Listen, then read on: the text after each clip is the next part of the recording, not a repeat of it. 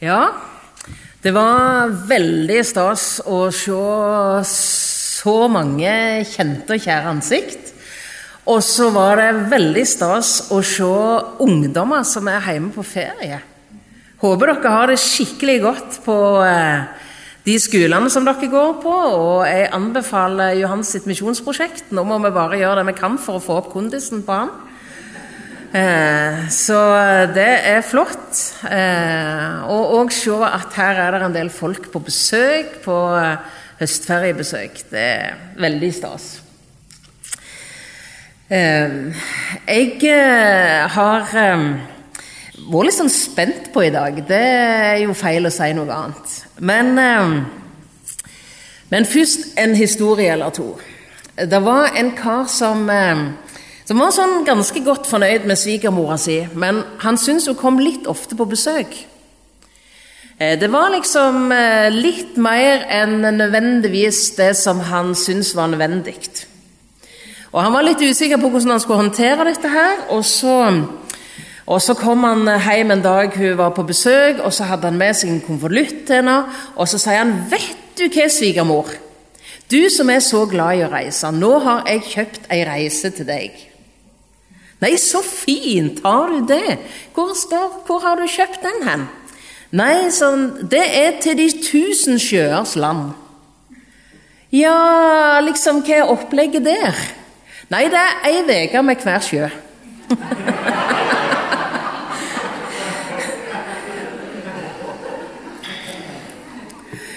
Så hadde jeg en sånn liten test med Ragnar i dag om vi kunne si dette her. Og så sa han ja, men da må du henge på, sa han, at eh, at han hadde leit veldig mye etter svigerfarvitser. Men han hadde funnet ut at det var det ikke, og han trodde at årsaken var at man mobber ikke de som allerede ligger nede. Så jeg vet ikke, jeg. Eh, men i alle fall eh, Jeg fant en sånn annonse i Dagen. Jeg har sett den mange ganger. Det er en annonse for eh, en Viken for unge par og det er fokus på det som har med ekteskap og forberedelse til ekteskap å gjøre. Og det er jo drømmen, ikke sant? Det livslange. Drømmen som vi har, kanskje spesielt oss damene, men jeg tror kanskje det er noe som, som gutter menn òg kan kjenne seg igjen i. Håpet om å ha noen å dele livet med, og håpet om at det skal vare. Det er et kjent tema i litteratur, et kjent tema i sang. Det er liksom eh, nært på oss alle. Og så ber jeg bare om det, Jesus, at eh, det som eh, både lever i drømmene våre, det som er i livet våre, på godt og av og til på sårt og vanskelig Jeg ber Jesus om at nå kan du ta oss godt inn til hjertet ditt. Så ber jeg om at du må ta oss inn i ordet ditt. Og så ber jeg om at du kan ta oss inn til hverandre. Jesus, det er ikke alltid så lett å være et lite menneske. Men Jesus, takk for at eh, vi elsker av deg. Så har vi nå fått tatt imot nattverd. Vi har fått bekjenne vår avhengighet av tilgivelse og nåde. Og så ber jeg om at den tilgivelse, den nåde og den kjærlighet, som vi får rekke hendene våre ut imot, imot deg, og som du rekker ut imot oss. Jeg ber om at vi kan lære av deg og rekke de ut òg imot hverandre og mot de vi lever aller nærmest Jesus. Amen.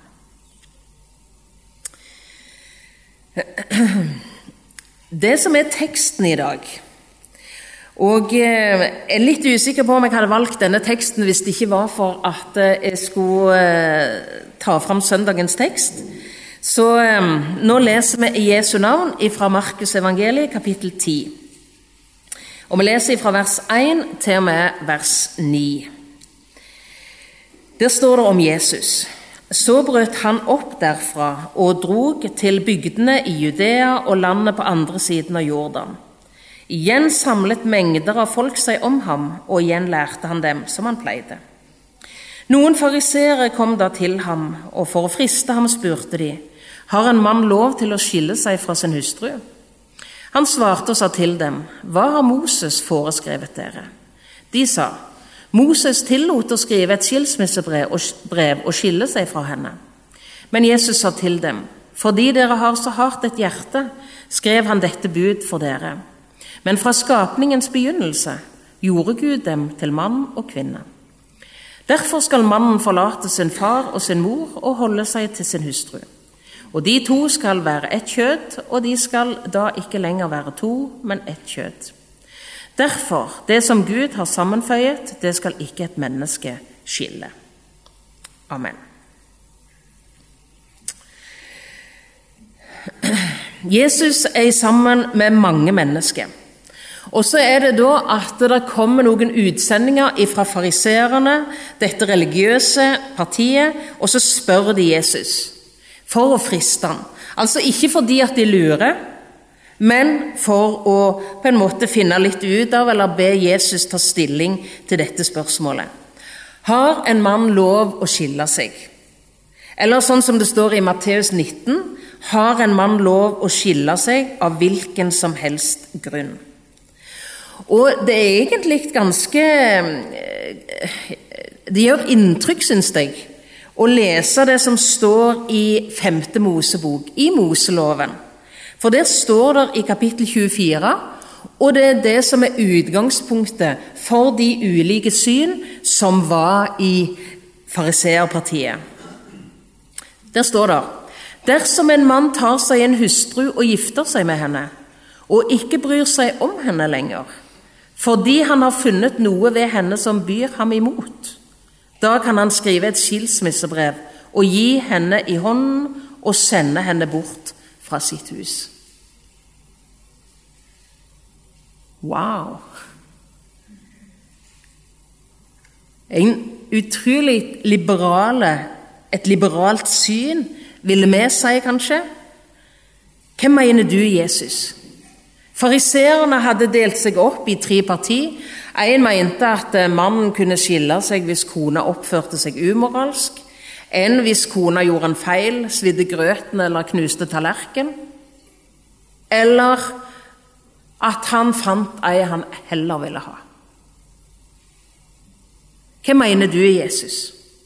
Dette er jo et patriarkalsk samfunn.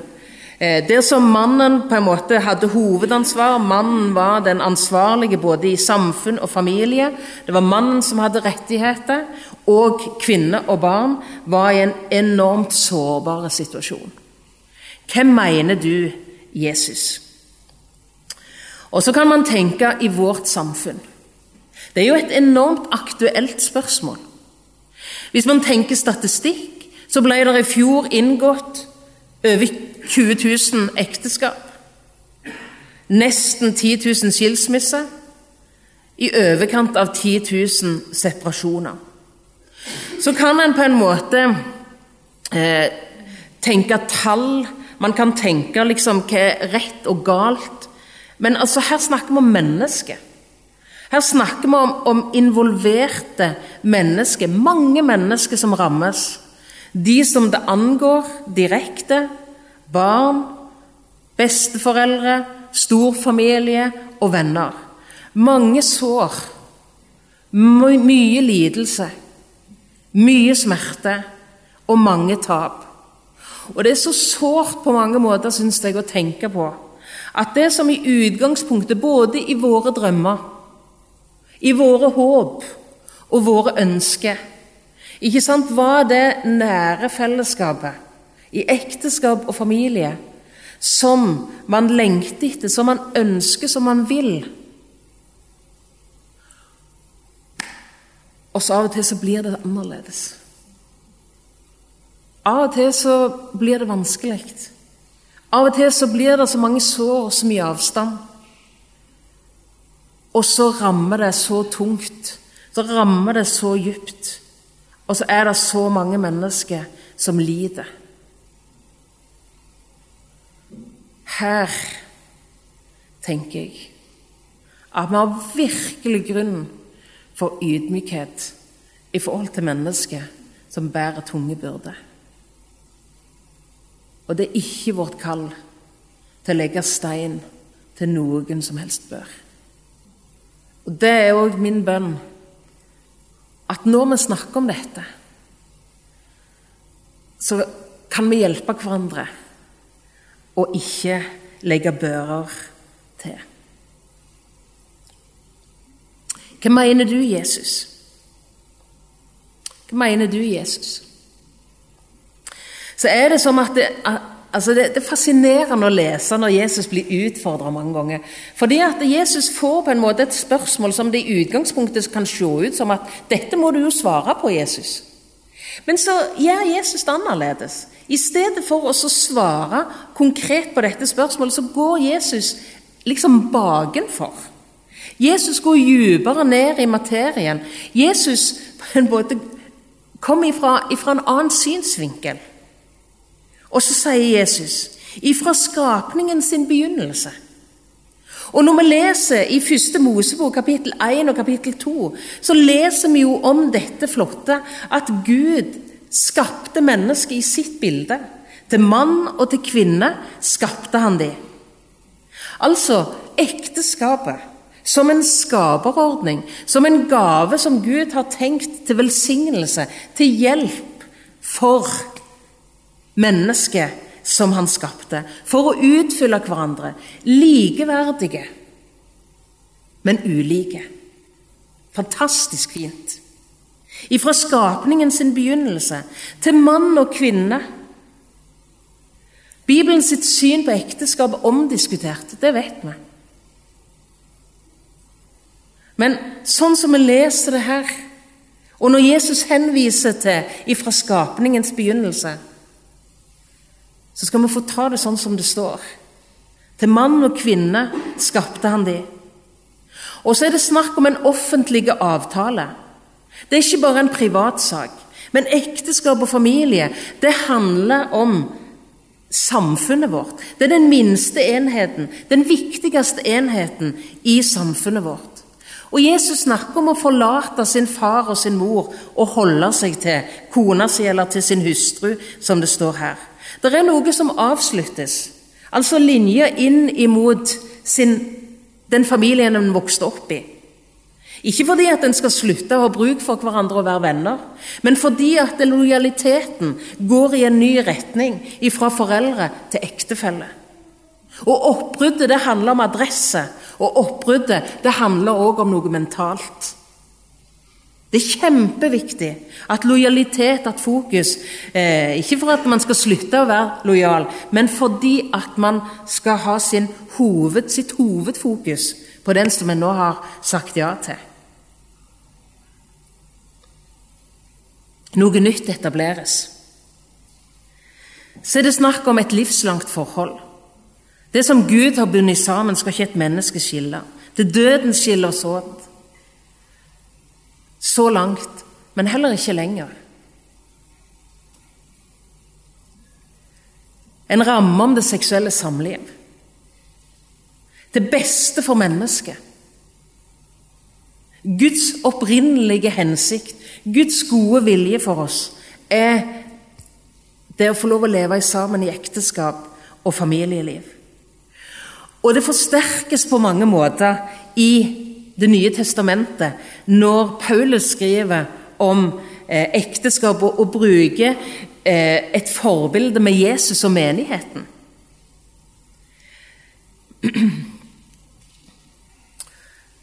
Hva holdning hadde Jesus til de som hører ham til? Hva vet du om Jesus sitt hjerte for de som hører han til? Hva vet du om Jesus sin holdning til de som hører han til? Hva vet du om Jesus sin gjerning overfor de som hører han til? Sånn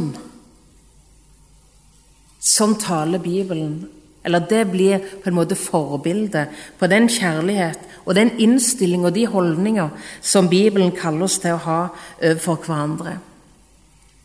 Underordna dere hverandre i ærefrykt for Kristus. Det handler ikke om å utnevne seg sjøl til å være ei livslange dørmatte for den en er gift med. Men det handler om å ha en innstilling og en holdning der en ikke bare har fokus på seg sjøl og sitt eget, men der en har fokus på den andre. Hustavlene. Vet ikke om du har hørt det uttrykket der. Du kan gjerne lese i Efeserbrevet kapittel 5. Så kan du lese det som vi kaller for underordningsavsnittet. Et av de avsnitt i Guds ord som er enormt mye misbrukt. Et av de avsnitt i Guds ord som har vært grunnlag for maktmisbruk og krenkelser i møte med kvinner i årtier. Det var ikke sånn han tenkte Jesus. Det var ikke sånn han tenkte Jesus. Når han sier til deg som er ektefelle, du som er mann Vet du hva som er ditt forbilde i forhold til din holdning overfor din ektefelle? Jesus elsker menigheten og ga seg sjøl for det. Du har et ideal som er helt, som er helt rått. respekt, ærefrykt, en atmosfære av godhet og kjærlighet. Av og til så snakker vi om å finne den rette. Kanskje det kan utfordre tanken vår og så heller tenke kanskje jeg kan bli den rette for den jeg lever med. Um, At ikke bare fokuset er på mitt og mine behov. Men jeg tror at det å ha fokus òg på den andre er en god investering. Og så kan man si Hvordan kan man ta vare på hverandre i en, i en hverdag som er kjempekrevende for mange? Og travel. Og jeg eh, jeg tenker Det er lett nok å snakke om idealene. sant? Det er lett nok å snakke seg varm om idealene, om forbildene, om det som egentlig ligger i hjertet vårt, i vår lengsel. Men hvordan er det egentlige livet? Hvordan er den egentlige hverdagen? Hvordan er det egentlig å være deg og dere og meg og oss?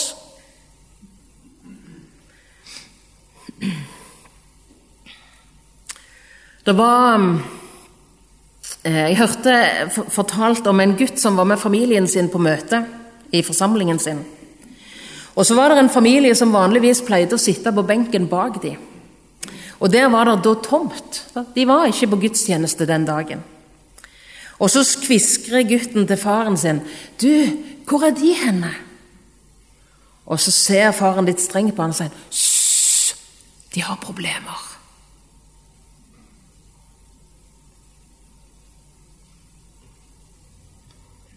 Hvordan er våre fellesskap? Eh, Runar, som er her nå, har skrevet ei bok som jeg har lyst til å bare anbefale som en del av det å på en måte ha et fellesskap og en forsamling der som det går an å la ei maske falle. Det står om slitenhet, ærlighet og frivillighet. Det er lov å ikke strekke til. Vet du at En av de tingene som jeg tror på mange måter er med på å presse ekteskapet våre, det er alt vi skal være med på. Og så kan det være krevende å prioritere den nærmeste relasjonen. Den relasjonen som det er viktigst. Og Bibelen først kaller oss til å ha fokus på. Vi må gjerne snakke med Runar om å, å, å, få muligheten til å ta med og kjøpe med ei sånn bok. Hvordan er fellesskapet vårt? Er det, går det an å være i fellesskapet vårt når ting ikke er så greit? Når det går galt? Hvordan er det i cellegruppene våre? Vi snakker om å snakke om livet, ikke sant? Sånn som det egentlig er. Vennskapene våre. Jakob snakket om det med å, bli, å, å gå til forbønn. Av og til så tenker jeg at når, når man eh, går til forbønn i forbindelse med sykdom, så er det liksom siste utvei. Liksom Nesten som den siste olje, på en måte. Hvorfor er det sånn at, det, at den siste vi henvender oss til, i sammen med de som vi står nær, når ting er krevende, det er til Jesus? Man roper kanskje til Jesus for seg sjøl, men, men, tenk å få gå i sammen med noen. Tenk at det er noen som kan være med meg og bære byrdene mine.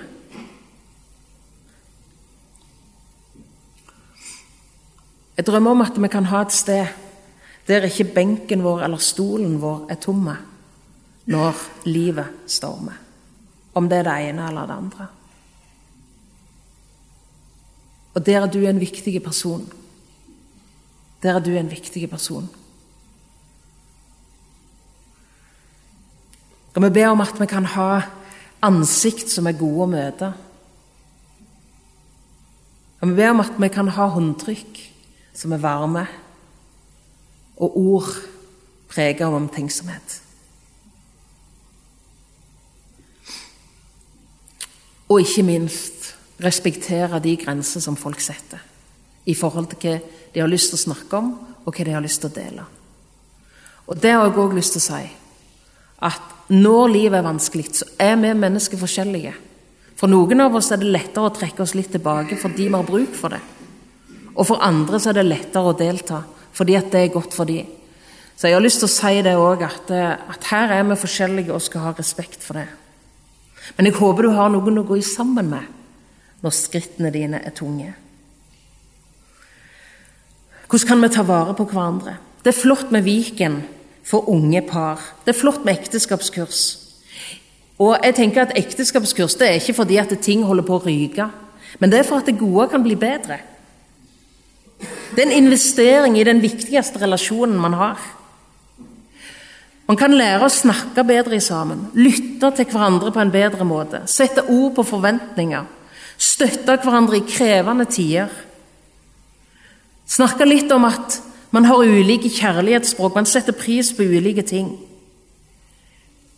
Hvordan ta vare på hverandre, be sammen. Ha en holdning til å bli og være en god ektefelle, en god venn, en god medlem i cellegruppa, et godt ansikt i fellesskapet.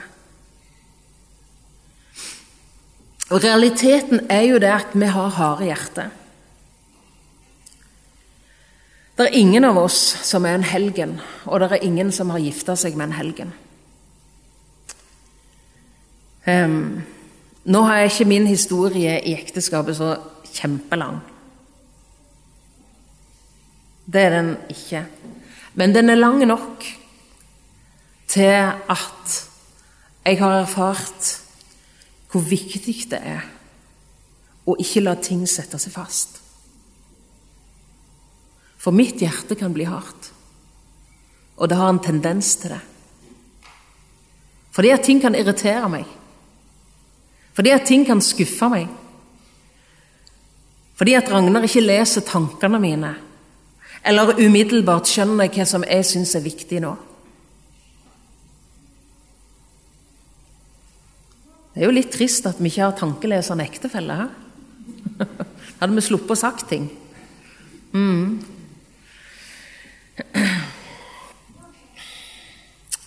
Åh, oh, vi heier på hverandre. Vi bærer med oss historien vår. Det vi har med oss i livet, det bærer vi med oss inn i ekteskap og familieliv. De erfaringer vi har fra de heimene vi sjøl har vokst opp i. Ikke sant? Altså, når jeg gifta meg med Ragnar, så så var det noen ting som jeg tenkte var helt logisk. Det var helt logisk at det skulle være sånn eller sånn. Jeg har ikke et godt eksempel akkurat nå. Men, eh, men sånne, sånn ting som jeg bare tenker, det er jo helt obvious at det er sånn. Men vet du, til min store overraskelse så var det ikke det. Og det er ganske sånn Det, kan være små ting, ikke sant? Sånn at det er bare litt sånn humor når man liksom avdekker det. Men det er ikke bare små ting som er sånn. Det er ganske viktige ting som er sånn. Jeg bare tenker det er helt naturlig at Fordi at jeg har vokst opp i den sammenhengen jeg har vokst opp, fordi jeg har den historien som jeg har. Men så møter jeg en som har en annen historie, som har med seg sine erfaringer på godt og vondt. Og så skal vi finne ut av det under et felles tak. Det er altså ikke for amatører. Dere har et hardt hjerte. Det er lett for å hardne, det er lett for å stilne, det er lett for å bli avstand. Vi sårer, og vi såres. Bibelen er egentlig ganske konkret hvis man bare leser. Historien om Josef, denne familiehistorien fra Bibelen som starter i første Mosebok 12, om Abraham, fortsetter med Isak, fortsetter med Jakob og så med Josef. Spennende å lese fra første Mosebok 12 og ut første Mosebok. Og Det som en kan lese der, det er hvordan de er preget av heimen sin. Hele gjengen. Hvordan de erfarer at det ikke bare er budskap som er familiearven og sølvet, men det er òg måter å løse ting på, måter å tenke på, og definisjoner om hva som er greit og hva som ikke er greit. Tenk på den forskjellsbehandling som Jakob hadde opplevd i sin heim, der han var gullgutten til mor, og Isak var gullgutten til far. Unnskyld, Esau var gullgutten til far. Og Så dro han det med inn i sin egen familie, og så forskjellsbehandla han. Og så ble det så mye vondt. Og så kan man tenke hvordan var atmosfæren i den heimen som Josef vokste opp i. Det er jo et fascinerende bilde, da. Men, eh, men, eh, men, men atmosfæren i heimen hos Josef Jakob, som aldri hadde følt seg sett av far. En kamp for å bli elska. Lea, som ved hver av barnefødslene sine så ser han hennes lengsel etter å bli elska av Jakob. Sønnene til Jakob som ble bitrere og bitrere og sintere og sintere, og hatet vokste langt ned i ryggmargen og hjerterøttene. Hatet til Josef. Atmosfæren i heimen. Hva gror i vår heim? Hva gror og vokser der du er? I ditt ekteskap, i din familie. Eh, jeg har eh, eh jeg tror jeg har fortalt det før. Jeg har vokst opp i en kristen heim. det som min, min, far mest hadde andakt, husandakt hver morgen. Eh, ba og greier. Var frivillige predikant og sanger. og ja, var en kristen heim. Utsyn og greier på bordet.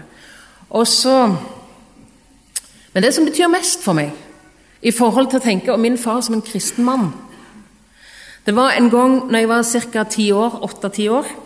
Vi hadde bygd nytt grishus. Jeg og en kompis på nabogården vi hadde vært i grisehuset og lekt med mjøl. Vi hadde hatt krig med mjøl. Ikke sant? Og Dere kan tenke hvordan det så ut. Dyra hadde ikke kommet inn i huset, de skulle snart komme, men fôret var på plass. Og Vi heiv på hverandre, og vi koste oss, og det gikk som bare det.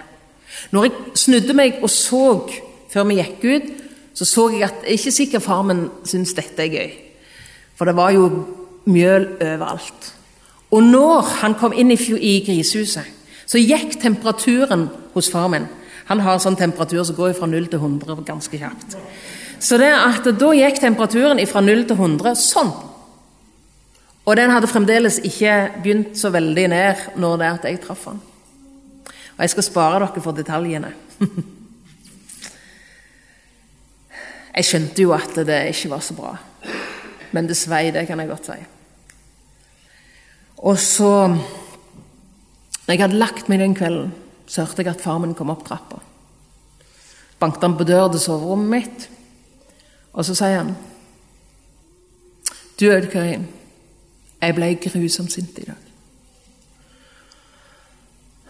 Det var galt, det dere hadde gjort. Det var dyrt. Men jeg gjorde noe jeg ikke skulle ha gjort. Kan du tilgi meg for det? Når jeg tenker om min far som en kristen mann, så tenker jeg ikke på hender som lukter fjos, som folder seg rundt H.E. Wisløffs andaktsbok. Men jeg tenker på han med det der litt løgne ansiktsuttrykket som sto i døra og sa 'Jeg skulle ikke gjort det. Kan du tilgi meg?' Det som vi snakker om i dag, Tilgivelsen, fundamentet i alle relasjoner. Jeg er helt avhengig av Ragnars tilgivelse.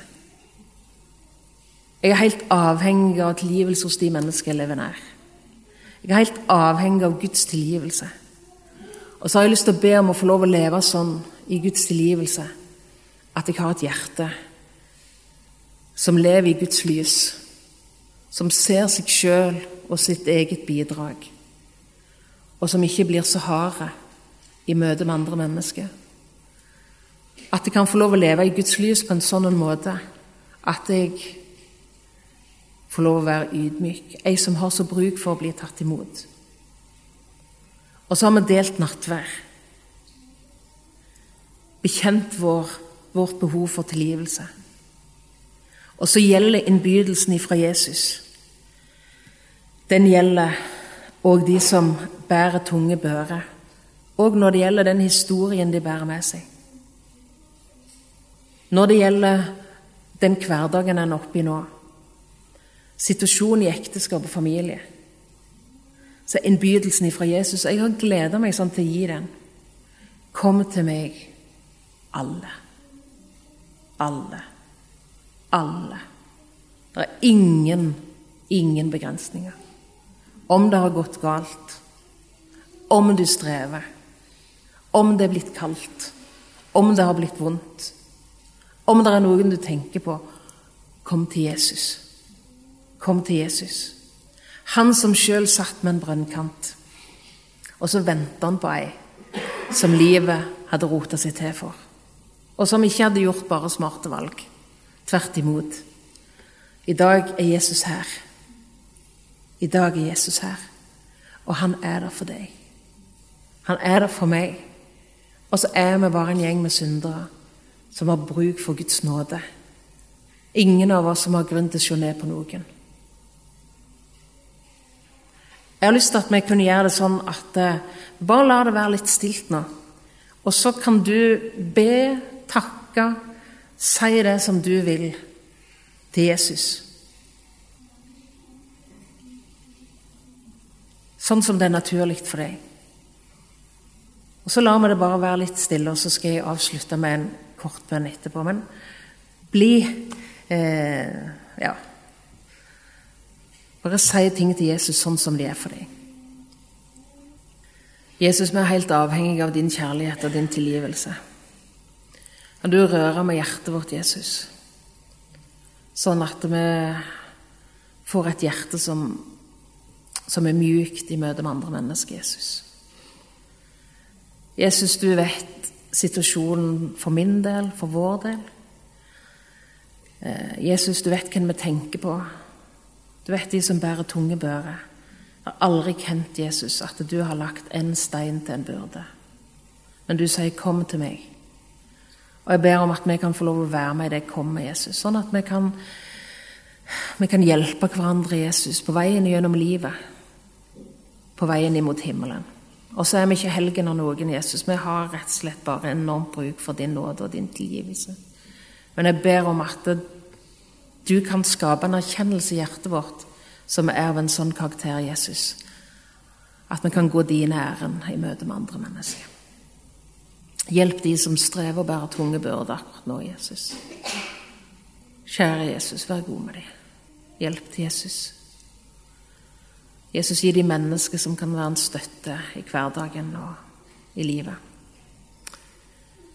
Vi ber om å finne din vei, Jesus. Velsigne alle de barn som er berørt, Jesus. Og Jesus, velsigne alle de store familier som er berørt. Gode Jesus, vi ber om å ikke bare være et folk som løfter det kristne ekteskapet, men la oss være kjent Jesus for et folk som hjelper hverandre, Jesus, til å leve nær deg og nær hverandre. Amen.